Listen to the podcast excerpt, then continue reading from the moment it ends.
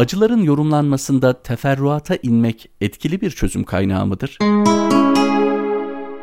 Her tarafın siyah olduğunu iddia eden biri varsa anlarız ki onun gözlükleri siyahtır. Çok uzak yerleri yakınında gördüğünü iddia eden biri varsa anlarız ki dürbünle bakıyordur. Çok küçük nesneleri devasa olarak algılayan biri varsa o zaman da onun elinde bir mercek olduğunu tahmin edebilirsiniz. Gözlükler, mercekler, dürbünler sadece insan gözü için var değildir. İnsanın duygularına ait gözlükler de vardır. İnsanın düşüncelerine ait mercekler de vardır. İnsanın hislerine ait dürbünler de vardır. İşte bu gözlüklerden kurtulamayınca duygularımızla her yeri karanlık görebiliriz. Bu merceklerden kurtulamayınca çok küçük problemleri devasa olarak görebiliriz. Bu dürbünlerden kurtulamadıkça henüz başımıza gelmemiş şeyleri başımıza gelmiş gibi lüzumsuz yere onlardan olumsuz etkilenip kaygılanabiliriz.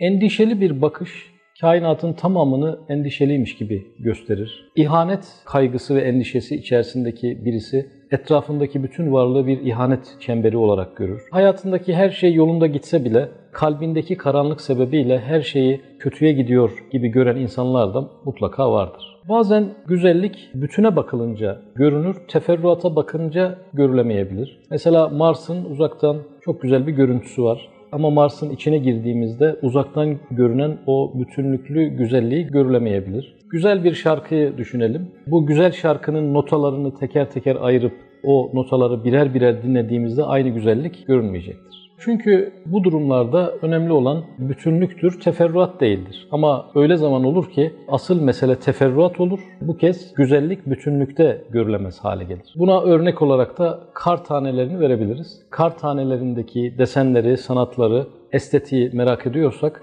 onun bütünlüğünden ziyade teferruatına, belki merceklerle odaklanarak bakmalıyız. Ancak o halde onun içindeki güzelliklerin harikuladelikleri görünmeye başlar. Başımıza gelen olaylar, karşımıza çıkan hadiselerde de bazen bütüne bakınca olay güzel görünür, teferruata takılınca zorlaşır. Bazen teferruatlarda güzellik vardır, bütüne bakınca işler zorlaşır. İnsana düşen hangi olayda bütüne, hangi olayda teferruata bakacağının ayrımını yapabilmesidir. Yaşadığımız hadise bir ferahlık kaynağı olmak yerine bir kasvet kaynağı olmuşsa büyük ihtimalle bütüne bakmamız gereken yerde teferruata, teferruata bakmamız gereken yerde bütüne bakmamızdan kaynaklı olabilir. Mesela bir dostumuz bize bir nasihat vermiştir. Bu olayın bütünlüğüne bakınca aslında tam da ihtiyacımız olan bir nasihattir. Çok işimize yarayacak bir tavsiyedir. Fakat biraz teferruatlara odaklanmaya kalktığımızda acaba bu dostumuz bizim için uyarmıştır? Acaba söylemek isteyip de söyleyemediği bir şey mi vardır? Hatta acaba kuyumuzu mu kazmak istemektedir? Bizi oyundan düşürmek mi istemektedir? Gibi hiç ortada olmayan, gerçek bir duygudan beslenmeyen, sadece izafi açıklamalarla insan zihni derinliklere indikçe kendisine yapılmış olan bu yardımı kendisine yapılmış olan bir hücuma çevirebilir. Kur'an-ı Kerim'de bir ayette yehsebune kulle sayhatin aleyhim. Bütün sesleri, bütün sayhaları kendi aleyhlerinde zannederler buyuruluyor. Adeta insan bazen bütün söylenenleri, bütün yapılan iyilikleri, kendisine uzatılan elleri, kendisine yapılan katkıları kendi aleyhindeymiş gibi düşünerek kendi merceği, kendi dürbünü, kendi gözlüğü penceresinden öyle görünen olayları gerçekten öyle zanneder ve hayatını bir cennet ikliminden cehenneme çevirir.